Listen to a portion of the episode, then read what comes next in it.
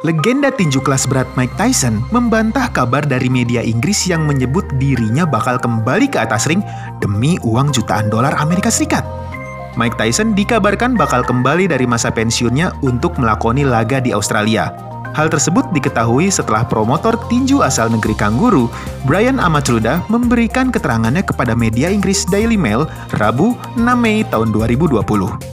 Dalam wawancaranya dengan Daily Mail, Brian mengaku telah mengikuti perkembangan Tyson yang sudah berlatih dalam beberapa hari terakhir. Kemudian, untuk menarik minat Tyson ke Australia, Brian dikabarkan telah melempar tawaran sebesar 1 juta dolar Amerika Serikat atau setara 15 miliar rupiah. Tawaran tersebut menurut sang promotor hanya tinggal menunggu persetujuan dari Mike Tyson. Selain itu, Brian juga sudah menyiapkan tiga nama untuk menjadi lawan tanding Tyson.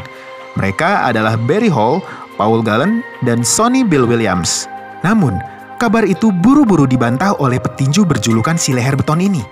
Tyson melebeli kabar tersebut sebagai berita yang tidak benar di akun Twitternya yang saat ini telah dia hapus. Mike Tyson sendiri memang sudah menyatakan bakal kembali dari masa pensiunnya. Namun, pria yang kini berusia 53 tahun itu akan kembali ke atas ring untuk melakoni laga amal selama 3 hingga 4 ronde saja.